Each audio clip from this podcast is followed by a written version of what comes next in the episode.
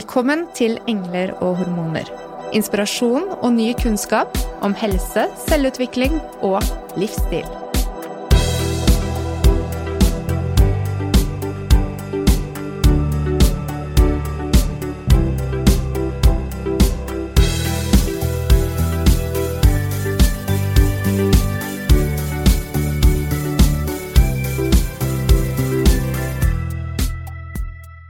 Viljestyrke kan kanskje koke ned til det øyeblikket du bestemmer deg å gå fra intensjon til handling. Også når du møter motgang og har mest lyst til å gjøre noe annet. Et kjapt Google-søk på ordet viljestyrke, og det dukker opp over 410 000 resultater, samt et titalls antall bøker med viljestyrke i tittelen. Men hvordan trener du deg opp til god viljestyrke, og ikke minst gjennomføringsevne? Dette er tema for dagens episode med vår kjære mentaltrener Anniken Binds. Hjertelig velkommen i studio, Anniken. Tusen takk. Godt nyttår, får vi se. Ja, godt nyttår. Ja. Så da er vi i gang, da, med um, januar, og mange har satt gode intensjoner om å gjøre endringer på livet sitt. Mhm. Så er det en kjent sak at uh, det å sette mål ikke nødvendigvis fører til at du når målene. Så hva er viljestyrke? Det vi trenger for å oppnå det målet vi har satt oss. Altså, viljestyrke er jo egentlig bare et annet ord for disiplin. Mhm. Mhm. Så det handler jo om, som du sa innledningsvis, eh, Ingvild, det øyeblikket hvor vi bestemmer oss, eller ikke bestemmer oss, da, for å gjøre det vi har satt oss for å gjøre. Mhm. Mhm. Så viljestyrke, er det noe vi kan bruke opp? Godt spørsmål. Så eh, dette her er jo en veldig lang diskusjon, og forskningen de siste 20 årene har jo da kommet frem til at eh, vi har begrenset med viljestyrke, og at vi bruker den opp. Og så er det jo da noen, som, eh, noen andre forskere som har funnet ut at det ikke stemmer. Og det har vært mye diskusjoner frem og tilbake, det har blitt gjort metastudier, og så har de funnet ut at disse metastudiene ikke tok med seg alle studiene som, eh, som var gjort, sånn at det, hele tiden har det vært en diskusjon frem og tilbake. Og i bunn og grunn så er jo ikke forskerne enige. Selv om noen hevder at ja, den brukes opp, andre hevder at nei, den brukes ikke opp. Så jeg kan ikke sitte her og konkludere med enten det ene eller det andre, Mm. når eh, heller ikke forskerne er sikre på det, eller i hvert fall ikke enige. Så her, her trenger vi faktisk eh, flere studier. Men jeg har gjort meg noen tanker om akkurat dette.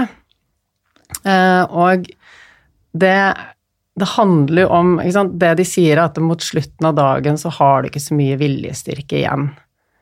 Og hva handler egentlig det om? Handler det om at når du da går på butikken, du er litt sulten, så ender du opp med å kjøpe den lille sjokoladen likevel? Ja, men for eksempel, det er jo et godt innspill. Her sier du at man er litt sulten. Eh, Så i mine øyne så er det dette med viljestyrke, det handler veldig mye om å legge til rette. Ikke sant? Legge til rette for at du kan prestere optimalt. I vårt samfunn i dag så går de fleste rundt og er stresset over lang tid. Dette gjør oss slitne. Det gjør oss ikke veldig robuste. Mange har et dårlig kosthold som gjør at de har store blodsukkersvingninger. Hva gjør det med deg på slutten av dagen? Da er du Du har ikke mye energi, du har ikke mye å gå på. ikke sant? Kanskje de trener for lite, og folk sover for lite. Sover man for lite, ja, da vet man at man orker ikke like mye. Ikke sant? Så da kommer du på slutten av dagen, og du er bare ikke på ditt beste, for du har sovet for lite, du har stresset for mye, du har ikke spist riktig, du har ikke trent. Så det er én ting. Um, og så er det også noe annet som jeg ser på som veldig viktig. I fjor så snakket vi om å endre vaner, og da var vi inne på dette med nevrologi. Når vi skal gjøre noe som er nytt for oss, så bygger vi nye nervebaner. Når vi bygger nye nervebaner, så bruker hjernen glukose. Masse. Den trenger masse energi. Og hva skjer med deg på slutten av dagen når du har spist dårlig, altså blodsukkeret ditt har bare gått opp og ned, og du er trett og sliten? Hvor mye ork har du til å bygge nye nervebaner da? Og hvor mye ork har du til å ta imot den hormonresponsen av eh, ja, ubehag som kommer Stress, kommer når du gjør nye valg som Mm. ikke du har gjort før? Ikke sant? Mm. Så jeg tenker dette er kun mine tanker, men jeg tenker at det der har vi en god forklaring på hvorfor det kjennes tyngre ut på slutten av dagen. Den velkjente dørstokkmila. Ja. Men det er jo litt eh, morsomt å høre dine tanker da, Anniken. For du har kanskje gjort deg noen erfaringer rundt viljestyrke selv opp gjennom livet, og nå har du jo kompetansen til å lære oss mer også. Ja, og det har jeg jo helt klart. Og jeg er jo en sånn typisk person som uh, alltid har hatt mye viljestyrke. Mm. Um, og uh, det er ikke sånn at det nødvendigvis alltid er så bra heller. For noen mennesker Altså, dette med viljestyrke, det er jo selvfølgelig Vi er forskjellige, vi blir født forskjellig. Og gjennom oppveksten vår så blir vi formet forskjellig, ikke sant. Så hvis foreldre er gode på å lære barna sine å utsette behov og vente med belønning, så har de også en større sjanse til å utvikle bedre eh, viljestyrke. Så det er mange ting som påvirker oss, og hvorfor vi er akkurat sånn som vi er, det er et stort puslespill. Noen mennesker trigges også av å eh, pushe seg og sette seg mål og jobbe for å nå det, ikke sant. Og vi har snakket om hvordan det gir boost av eh, masse lykkehormoner også. Mm. Jeg faller nok typisk i den kategorien. Så jeg har alltid vært en som har bestemt meg for å gjøre noe, og så har jeg hatt det lett for å gjennomføre. Eh, og som jeg sier, så er ikke det nødvendigvis alltid positivt, fordi at jeg erfarte jo at det å ha for mye viljestyrke kan føre til at jeg ikke kjenner etter kroppens behov. Ikke? Ikke kjente etter når jeg var sliten. Og det tror jeg gjelder veldig mange også, spesielt litt sånn flink eh, pike. At man bare gjør og gjør og gjør. Og dette med viljestyrke, det handler jo mye om mestring, som vi skal snakke litt mer om. Altså vi kan trene oss opp, vi øver oss opp til å ha større grad av viljestyrke. Og det handler om at vi opplever at vi klarer en ting. Og klarer vi en ting, så kan vi gjøre enda litt mer og enda litt mer neste gang. Men jeg tenker på sånn ja. Det er litt glorifisert, på en måte, fordi at det er klart du har gjennomført masse kule ting som er litt sånn hårete mål. Men hvis jeg trekker den ned til hverdagen, hvis det er noe som du syns er skikkelig kjipt å gjøre, Mm. for eksempel eh, Nå bare gjetter jeg, men eh, hvis du skal stryke alle skjortene i eh, klesskapene hjemme eh, Som egentlig ikke er så veldig hårete mål i forhold til å dra en pulk over Hardangervidda, som jeg vet du også kan finne på å gjøre. Er, eh, er du like klar på gjennomføringskraften? Har du viljestyrke til det? Hvis Eh, Altså eh, Nei. Altså, Nei. jeg har, jeg har gode måter å, å motivere meg for, men, eh, men det er absolutt ikke like lett å gjennomføre de tingene som det er å sant, krysse Hardangervidda med pulk. Nei, det er vanskeligere for deg å stryke Mye. skjorter enn å Ja. krysse Hardangervidda med Og jeg har skullet vaske vinduene helt siden i våres. Mm. Nei, det er jo snart et år siden. Og sola nå er veldig avslørende, Anniken.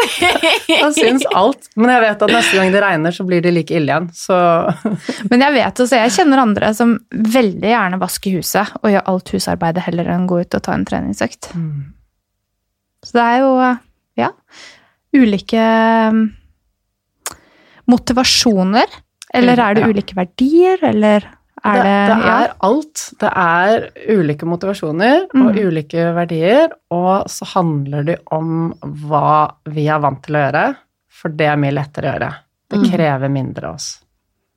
Så hvis vi skal nå et mål, så er det en fordel at det da selvfølgelig Den viljestyrken vi skal bruke, er innenfor et område der vi har Er innenfor våre verdier og er motivert. Ja.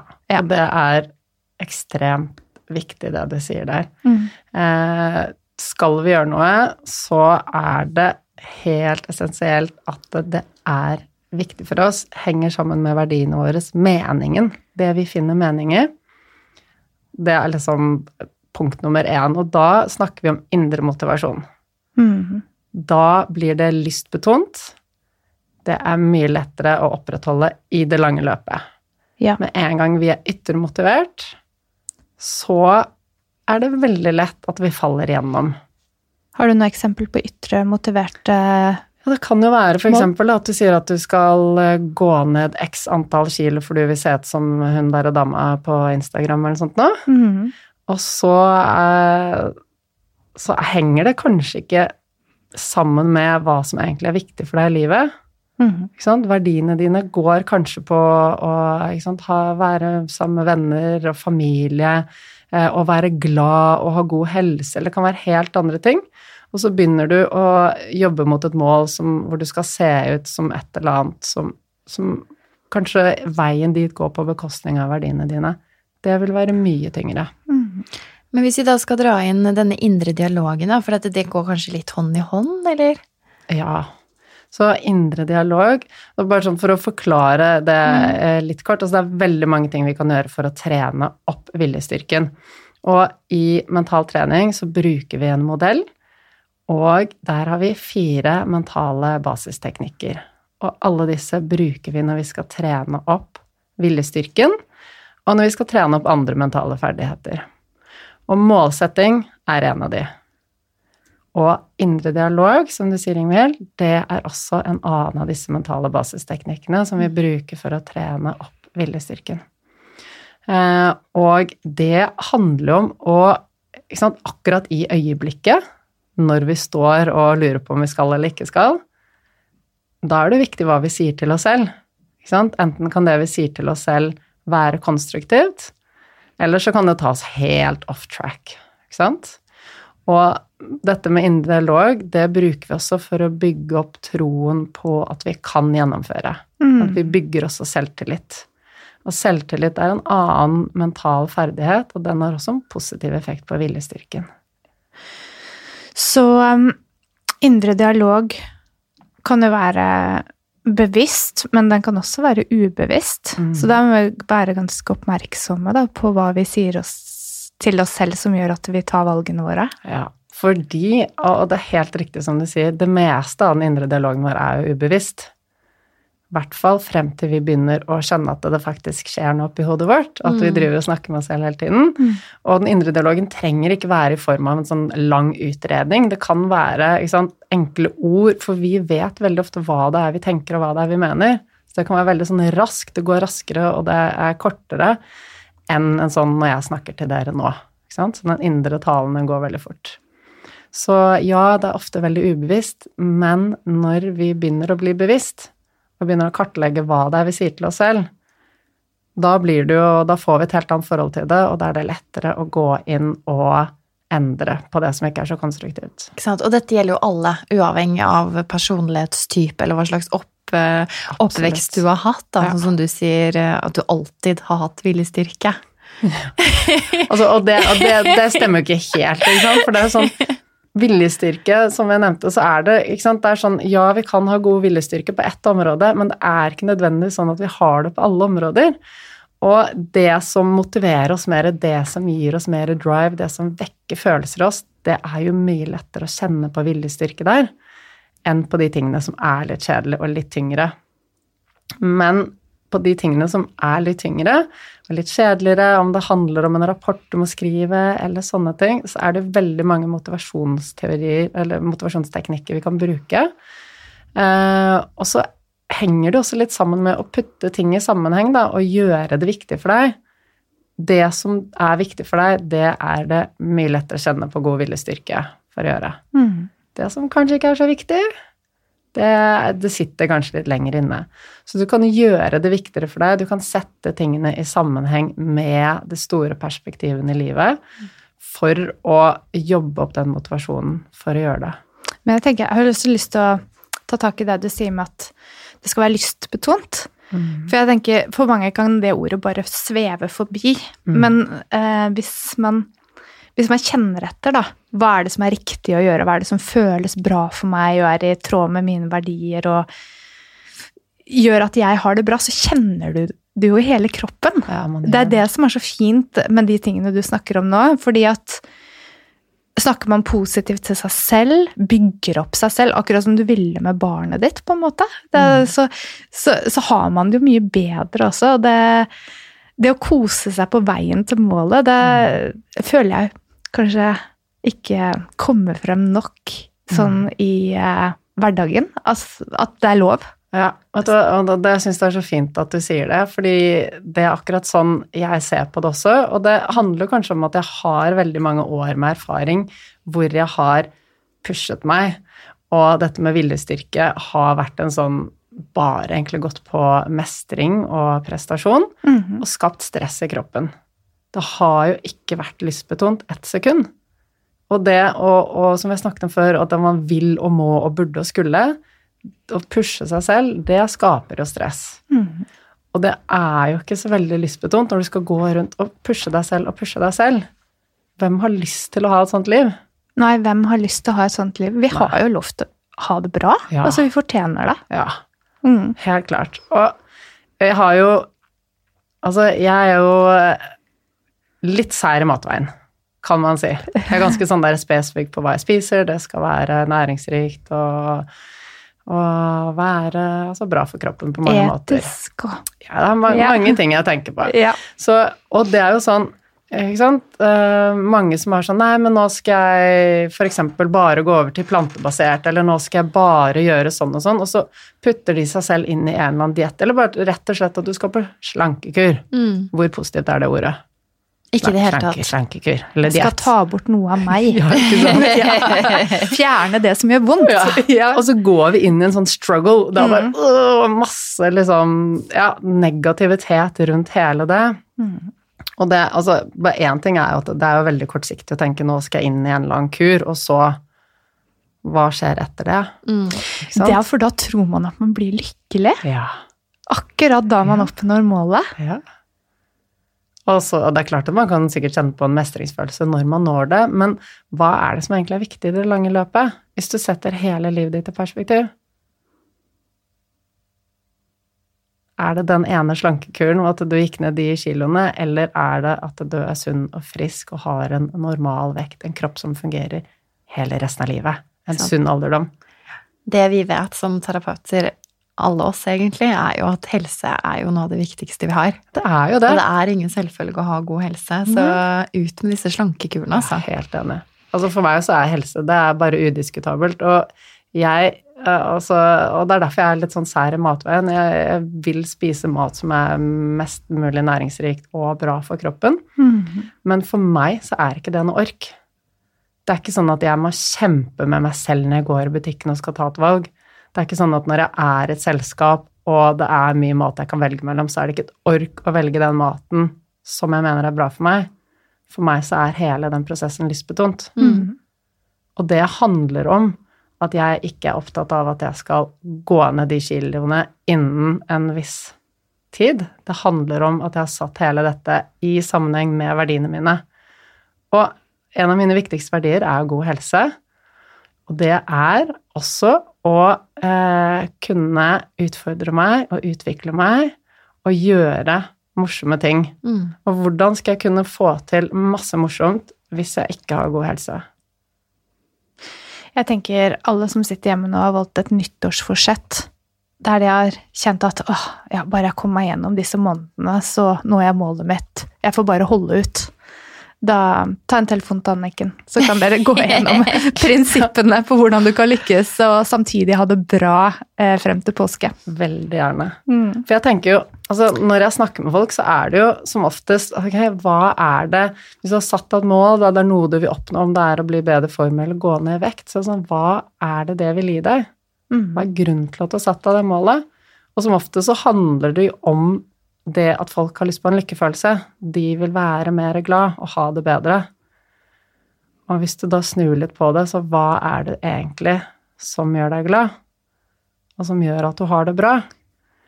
Og hvis du da connecter det med verdiene dine, så finner du mening på en helt annen måte. Og når du da skal gå inn i det målet du har satt deg, eller de tingene du skal gjøre, så blir det lystbetont. Mm. Det blir ikke et ork. Og du får flyt, og du får glede. Og så handler det også om tro.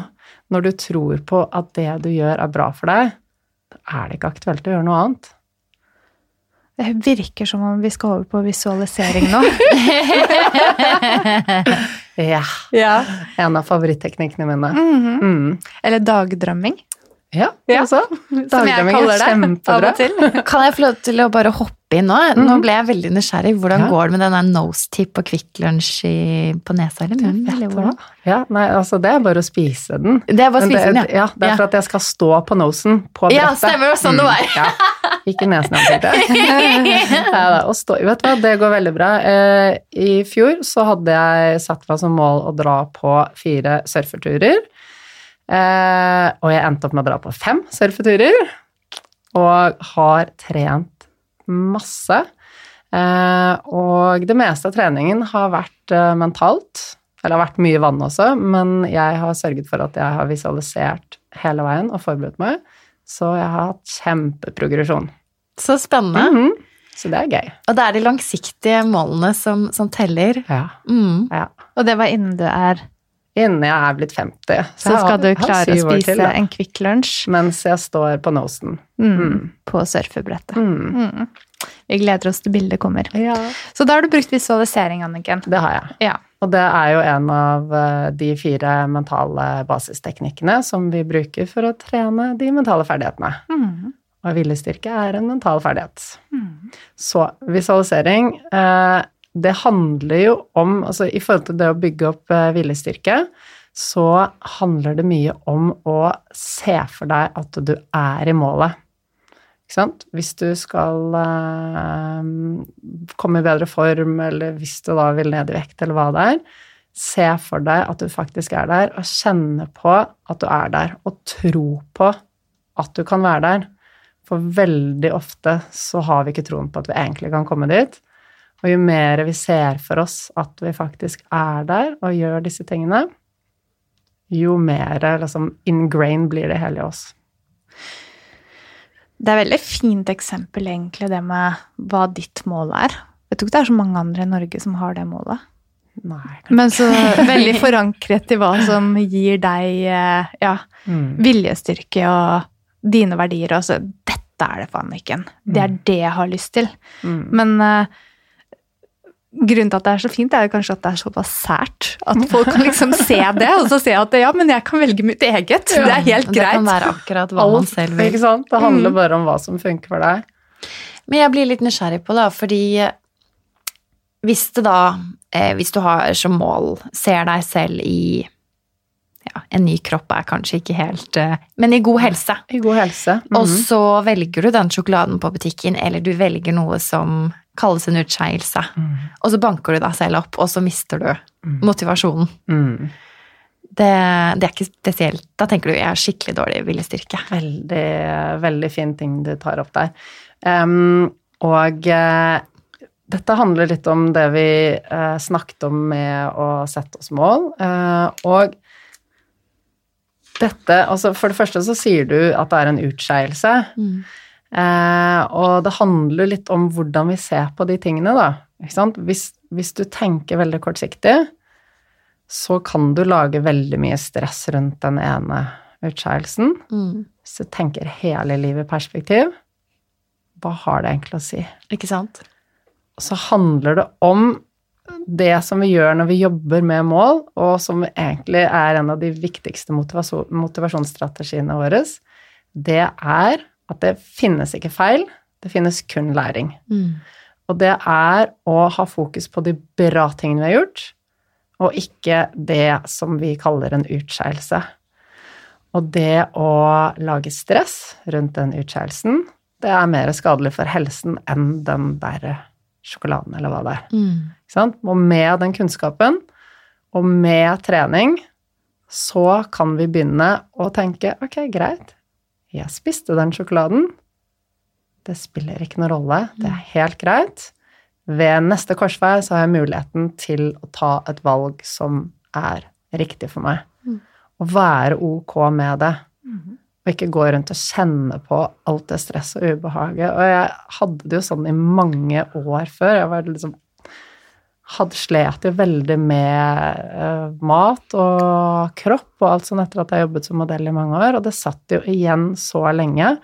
Jeg kjenner så utrolig godt på den følelsen og den derre trekke meg ned etter jeg hadde spist noe som jeg absolutt ikke ville spise, Mm. og alt krasjet, og det kunne bare like gjerne være det samme, og ja.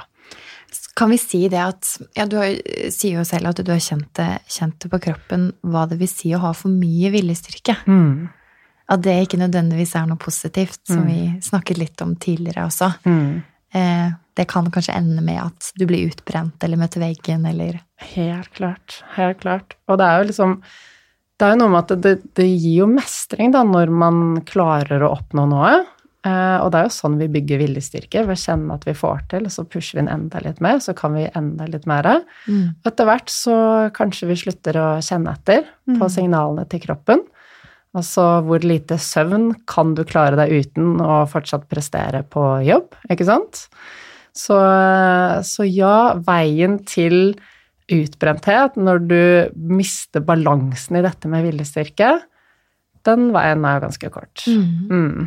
Jeg liker så godt når du sier um, vi må trene oss til å være rause mot oss selv. Ja. Det er så viktig, og det er alle dårlige på, tror jeg. Mm. Ja. Det er en treningssak. Det handler om å bli bevisst på hva du sier til deg selv, og hva du velger å fokusere på. Og det å være ok med at du ikke trenger å være perfekt, med at alt du gjør, egentlig bare er læring.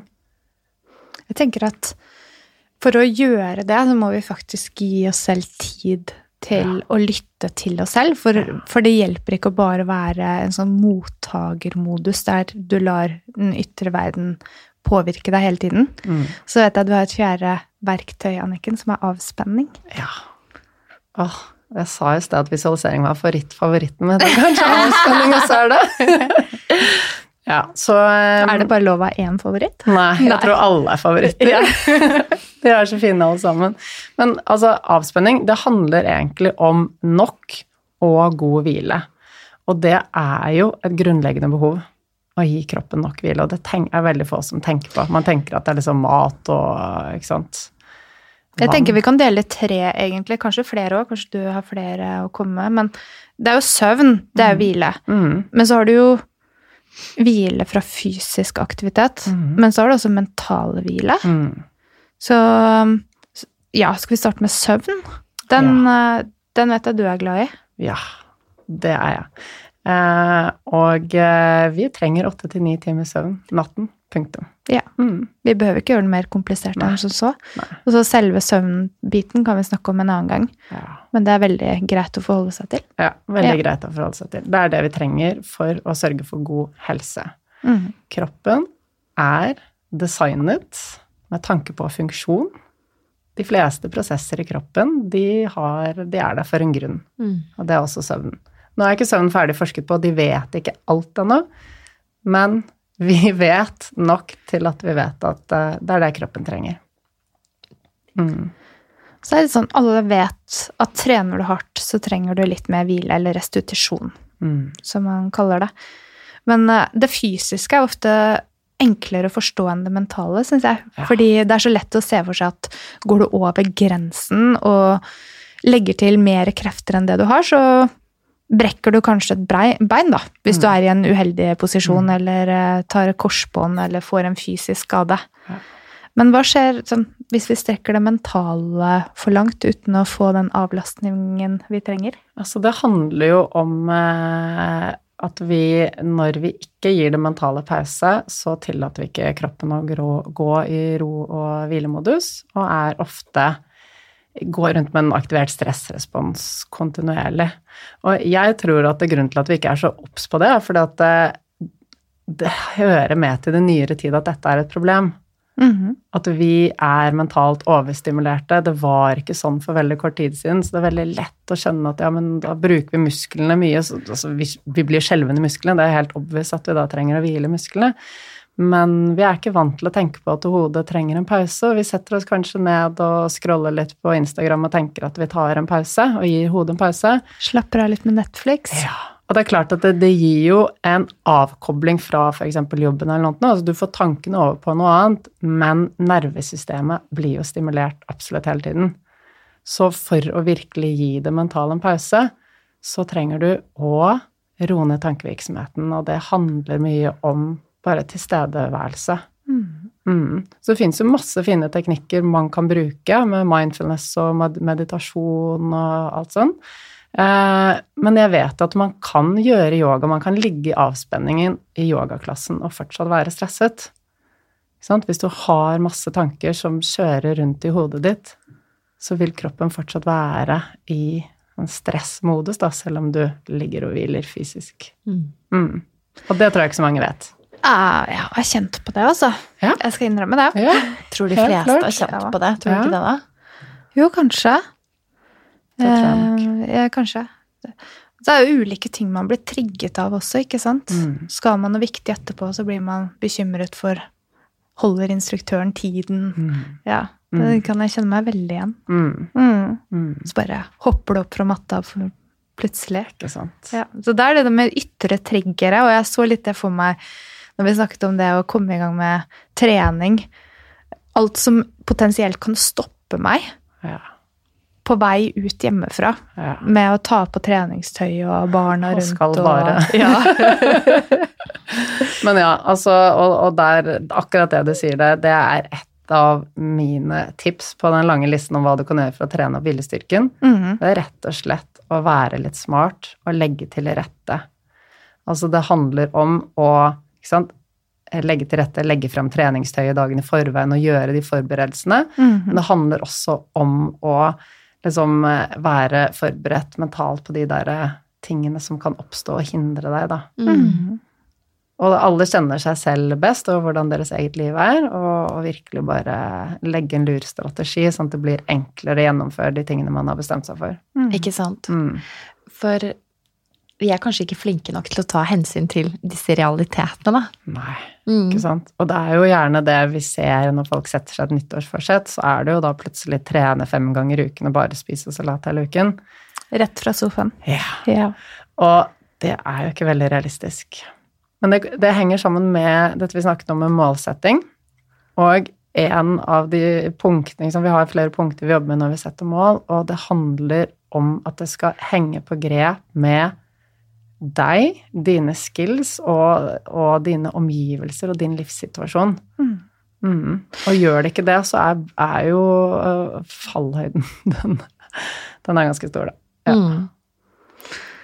Ja, nesten som et ras av Mm. alle som feiler i Mm. løpet av de første månedene og året.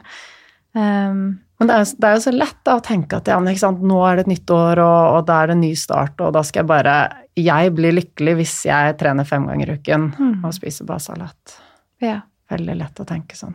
Og så Mm. glemmer man å tenke i det lange perspektivet, og så glemmer man å tenke på at det, det som funker best, er step by step. Sakte, men sikkert. Altså holde seg innenfor det som er realistisk. Mm. Og det er ikke realistisk å gjøre en totalomvending. Det er ikke realistisk. Så har du kanskje en fullpakket hverdag fra før av, og så skal du putte masse ekstra inn i det, da. Eh, Så hvis du skal putte noe nytt inn i livet ditt, så må kanskje noe annet ut. ikke sant? Det, skal, det må henge på grep, det må være en balanse. Og det er tungt å gjøre vaneendringer. Så det smarteste er å gjøre bitte litt, og så bitte litt, og så bitte litt. Og kjenne at det før du tar neste skrittet, så mestrer du det, og det er ok det du har begynt å gjøre. Og ser det i et langtidsperspektiv. Du har hele livet foran deg, istedenfor et korttidsperspektiv. Mm. Mm. Så hvis vi da skal eh, prøve å lage en liste over konkrete tips som eh, lytterne kan ta til seg Mm. Ja, den Sånn listen, den har vi en lang, fin liste her. Vi skal supplere i sosiale medier. Ja, vi supplerer i sosiale Mm. medier. Og så har vi vært innom ganske mye her. Og det viktigste eh, er disse fire mentale eh, basisteknikkene. Mm. Det er å sette seg gode mål som er realistiske, henge sammen med verdiene dine, det som gir mening. Det er å jobbe med positivt selvsnakk. Det er å bruke visualisering, og det kan du bruke i øyeblikket også, for å motivere deg. Og så er det dette med avspenning, og det handler om at du egentlig skal ha overskudd til å gjøre de tingene du skal gjøre. ja, Ja. set us up for success, Anniken. Ja, det, det er jo jo- bare noe med altså, Vi tenker på det rette utstyret og teller kalorier og tider og alt mulig, men eh, grunnlaget, det er jo hos oss. Det er akkurat det. Ja. Det er kun vi som kan ta ansvar for det. Mm. Mm. Så hva skal vi tenke på? Ja. Så, um, og litt med dette som går litt med målsetting å gjøre, det er at vi, eh, når vi jobber med mål, så setter vi en frist. Og det syns jeg er ganske fint, å sette oss en tidsfrist på Ja. når vi skal gjennomføre ting. Og sette det litt i system. Og vi vet jo også det at eh, arbeidet ekspanderer til å fylle den tiden som er tilgjengelig. Så skal du f.eks. skrive en rapport eller noe sånt nå, så er det jo greit å sette en tidsfrist. Så blir det litt mer sånn konkurranse med deg selv og gjennomføre det da, istedenfor at du har flere uker på det. Da kan det være lett å skyve på det. Og så, så var vi litt inne på dette med å være litt smart og planlegge litt og legge til rette i livet ditt. Og så kan du også sette opp et litt sånn eh, sikkerhetsnett med sånn Ok, hvis din indre motivasjon svikter litt, eller hvis din motivasjon svikter litt, så kan du ha litt sånn ytre ting som motiverer deg, f.eks. En, en du kan trene sammen med, eller eh, kanskje du har en PT, det er jo en lettvint eh, måte å gjøre det på. Eh, det kan være i form av belønninger, da. Når jeg har gjort det, så kan jeg få lov til å sette meg ned og se den serien, eller et eller annet sånt. noe. Og det funker veldig fint. Ja, det er bra. Det er en veldig grei måte å gjøre det på. Så tenker jeg, hvis man er litt eh, Hvis man vil holde målet sitt litt privat, da, og ikke tør å åpne opp for å dele det, så er det en faktor som gjør at du har mindre sjanse for å lykkes. Ja. Mm. Men da tenker jeg at, og det er helt ok å ikke ville dele det, eh, men- men hva med å skrive det ned? Ja. Sant? Når Har det du, samme effekt? Ja. Da når du skriver det, altså når du skriver det ned, så blir det mer Det blir som et løfte til deg selv, og du, du blir virkelig på samme måte som du blir virkelig når du sier det til noen andre. det, det er jo klart at når du sier det til noen andre, så er det jo et løfte du gir til noen andre også, og det har man jo ofte lyst til å holde. Mm. Tenk på det, at vi er mer villige til å holde løfter til andre Ja. enn til oss selv. Men det har jo liksom noe med selvfølelsen vår, da. Hva tenker de hvis jeg i gåseøynene feiler, ikke sant? Eh, og det går over i noe annet som også er ganske vesentlig for viljestyrken, og det er frykt som mange har. Og det kan være frykt for alt mulig rart, men kanskje frykten for å feile. Så da safer vi den heller. Så frykt er negativt for viljestyrken? Ja, Ja. helt klart. Mm. Frykt hindrer oss i å gjennomføre. Ja. Og folk har frykt for veldig mye, men ofte så henger det sammen med den følelsen at vi ønsker tilhørighet, vi har ikke lyst til å gjøre noe som setter oss på kant med resten av samfunnet. Som gjør at kanskje folk ser rart på oss eller støter oss bort eller et eller annet sånt noe, så vi skal bare være i ett med massen. Mm. Og det er mye frykt som bunner i det. En annen ting som også Så, så det å overvinne frykt er jo en viktig ting for å, eh, for, for å trene opp viljestyrken. Og det er mye man kan gjøre selv ved å liksom bare stille seg selv spørsmål ved ok, det jeg kjenner på nå, hva er egentlig dette? Hvorfor føler jeg sånn? Hvorfor tenker jeg sånn? Og dette er også sånne ting jeg jobber med når jeg har én-til-én-sessions. En annen ting som henger litt sammen med dette, er begrensende overbevisninger. Ja. Og det er sannheter som vi går rundt og tror på. Om at vi ikke kan gjøre det ene eller det andre fordi sånn og sånn og sånn. Og de har vi alle veldig mange av. Og det er også sånn som vi etter hvert med bevissthet og, og med hjelp i, i en coaching-samtale kan gå inn og endre på. Ja, Mm. for da, da vil man kanskje ikke nødvendigvis tenke over at man sier det, for det er en sannhet som man Helt tror på, som bare sitter igjen. Helt klart. Mm. Og det er sånn, vi trenger sannheter eh, for å bare kunne orientere oss rundt i livet. Eh, så alle har sannheter. Noen av de er bra for oss, og noen av de ikke. Sant? Jeg har jo mange sannheter i forhold til at eh, den maten jeg spiser er veldig bra for meg. Mm. Og det er jo veldig fint. Og så, så er det kanskje noen overbevisninger jeg har som, eh, som kanskje er litt begrensende igjen, da. Nei da, jeg har ingen. jeg kommer ikke på noen, nei. Jeg vet jeg har noen. Men jeg tenker, når man tror på det, Ja. at det er bra for en, så blir det vel automatisk mer bra for deg også, fordi det, det. skaper mindre stress. Helt så man klart. Får disse gode hormonene i kroppen som gjør at eh, ja, nå gjør jeg noe som er bra for meg selv, og så blir det en selvforsterkende effekt. Og det er jo kult at de sier, og det er jo gjort forsøk på det. Og for eksempel eh, gjorde et forsøk med noen som eh, kvinner som vasket på et hotell. Eh, og de var to, delt i to grupper, og den ene gruppen fikk da vite at det de gjorde, alle de timene de la inn i løpet av dagen med liksom, fysisk arbeid, det var skikkelig treningseffekt på de, og det hadde skikkelig god effekt på helsen deres. Og den andre fikk ikke beskjed om noe spesielt. Og så gjorde de målinger før og etter den perioden, og de som hadde trodd at det de gjorde på jobben var bra uh, i forhold til å ha god treningseffekt, de så en effekt på helsen. Ja. ja. Som om de skulle vært ute og trent. Ja. ja. Så Jeg har hørt at husarbeid er bra trening. Det er kanskje bare en sannhet jeg forteller meg selv. Det er kjempefin sannhet! så når jeg gjør vaske vask hjemme, så blir jeg mye bedre helseeffekt enn hvis du gjør det, Anniken. Nei, men jeg tror at det er bra for meg. da er vi enstemmige her. Ja.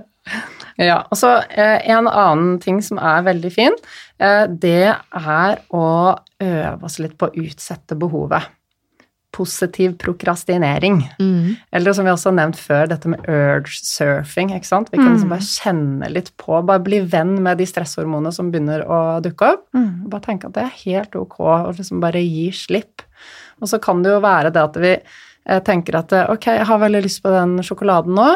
Eh, det er greit, jeg skal bare stryke skjortene først, og så får jeg lov å spise den. Mm. Og da kommer vi, når vi er ferdig med å stryke de skjortene, så er det kanskje ikke så viktig lenger med den sjokoladen. Mm. Det er litt det samme vi ser når vi jobber med en type inkontinens som heter urge inkontinens, der man plutselig får et behov for å tømme blæra mm. uten at man er oppmerksom på det, fordi da gjør man blæretrening. Og det, så er det mm. ubevisste nervesystemet, ja. og at man da ved å puste seg og øve på å utsette behovet, da, at det mm. faktisk kan gå over. Mm. Det er kult. Eh, et par tips til. Ja, dette med ros, det kan vi ikke få sagt flere nok ganger. Bare sett i systemet at du roser deg selv når du har gjort noe bra. Eh, og også når du da gjennomfører ting som er bra for deg, så analyser det litt. Da. Hva var det som gjorde at jeg faktisk eh, klarte å gjennomføre? Du kan gjerne skrive det ned, og ha fokus på det du har klart. Og så har vi jo vært inne på dette med at eh, vi skal tenke langsiktig, eh, og tenke på liksom hele livet at det er det som er viktig, og ikke nødvendigvis å komme til det ene målet. Og i det så ligger det at vi kan bli glad i selve prosessen. At det er en prosess, at det er kanskje en livsstil, det er et, et valg vi har gjort for resten av livet. Uh, og ikke nødvendigvis bare at skal, det skal være hardt og tøft, og så skal vi komme i mål, og så er vi ferdig. Og hva skjer etter å komme til det målet, ikke sant? Da har jeg lyst til å trekke deg tilbake til det du sa i sted om at man kan gjøre små endringer eh, gradvis. Mm. Og kjenne litt 'dette, hva er det som gjør bra for meg. Ja. Mm. Og jeg tror det er så viktig. Og jeg ser det liksom selv. Jeg har gjort masse endringer i kostholdet de siste årene. Men jeg er helt bevisst på at det, det her er en prosess som skal gå for resten av livet. Mm. Og jeg har tatt det step by step.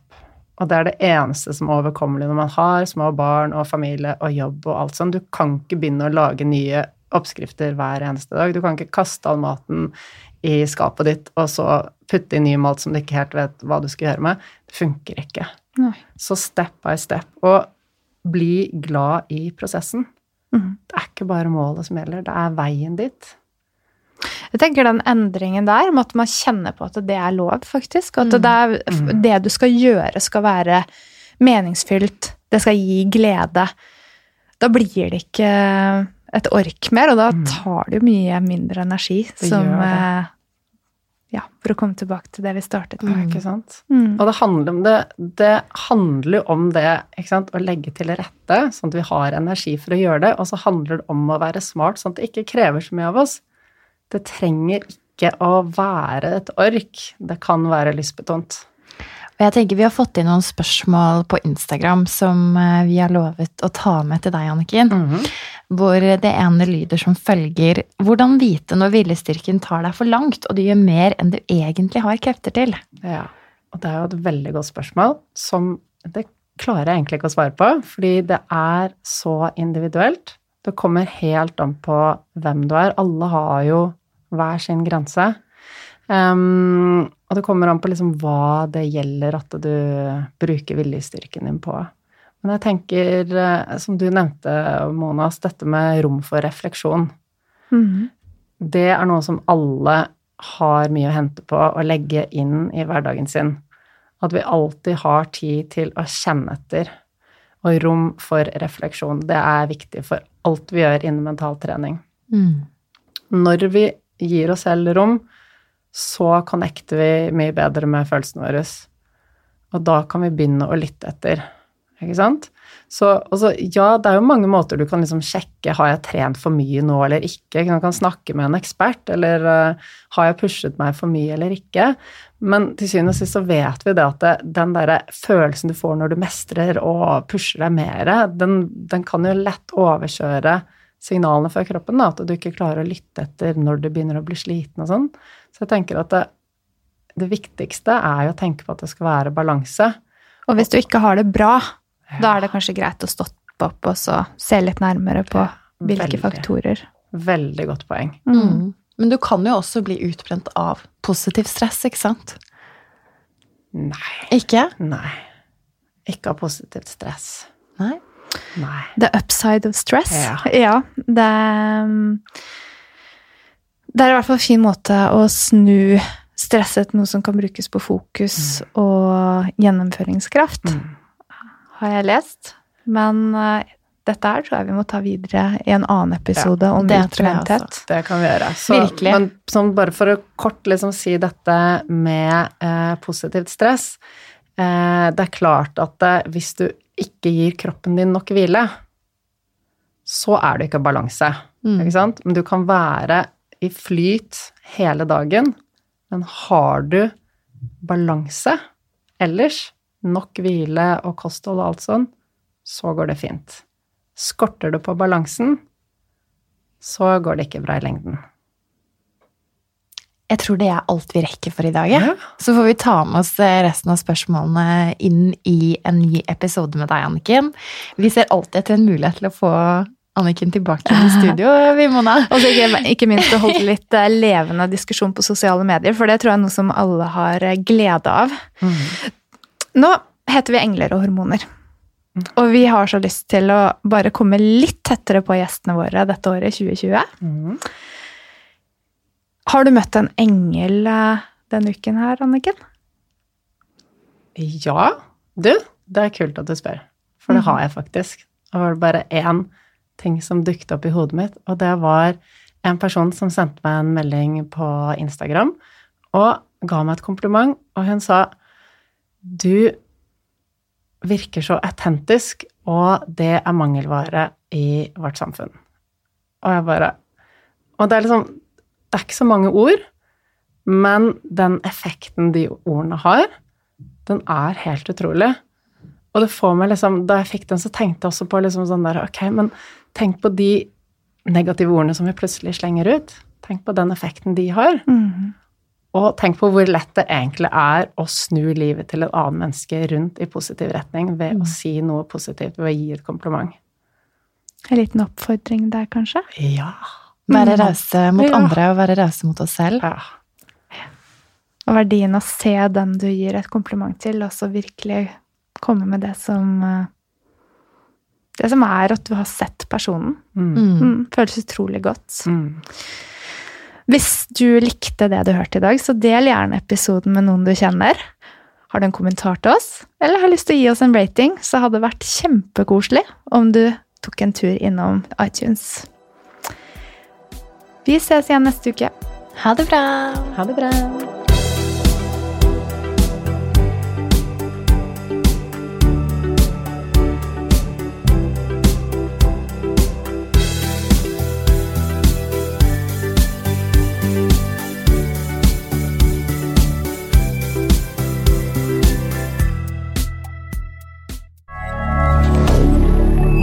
Media.